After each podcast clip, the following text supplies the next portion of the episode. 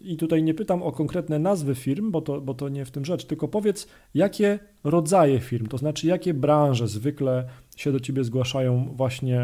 po te ubezpieczenia flotowe, albo jakie branże zwykle obsługujesz. Jakby to wiesz, można w jakieś takie worki wrzucić te firmy, nie?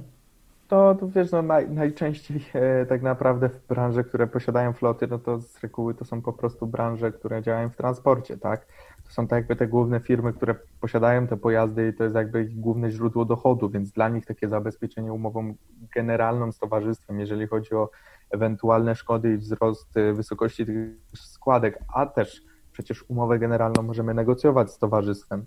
czyli poszczególne składki za e, daną ochronę, na przykład za OC, NNW, Assistance i tak dalej, możemy też negocjować, w zależności też jaka jest nasza historia e, ubezpieczenia, czyli ten przebieg załóżmy z kilku lat,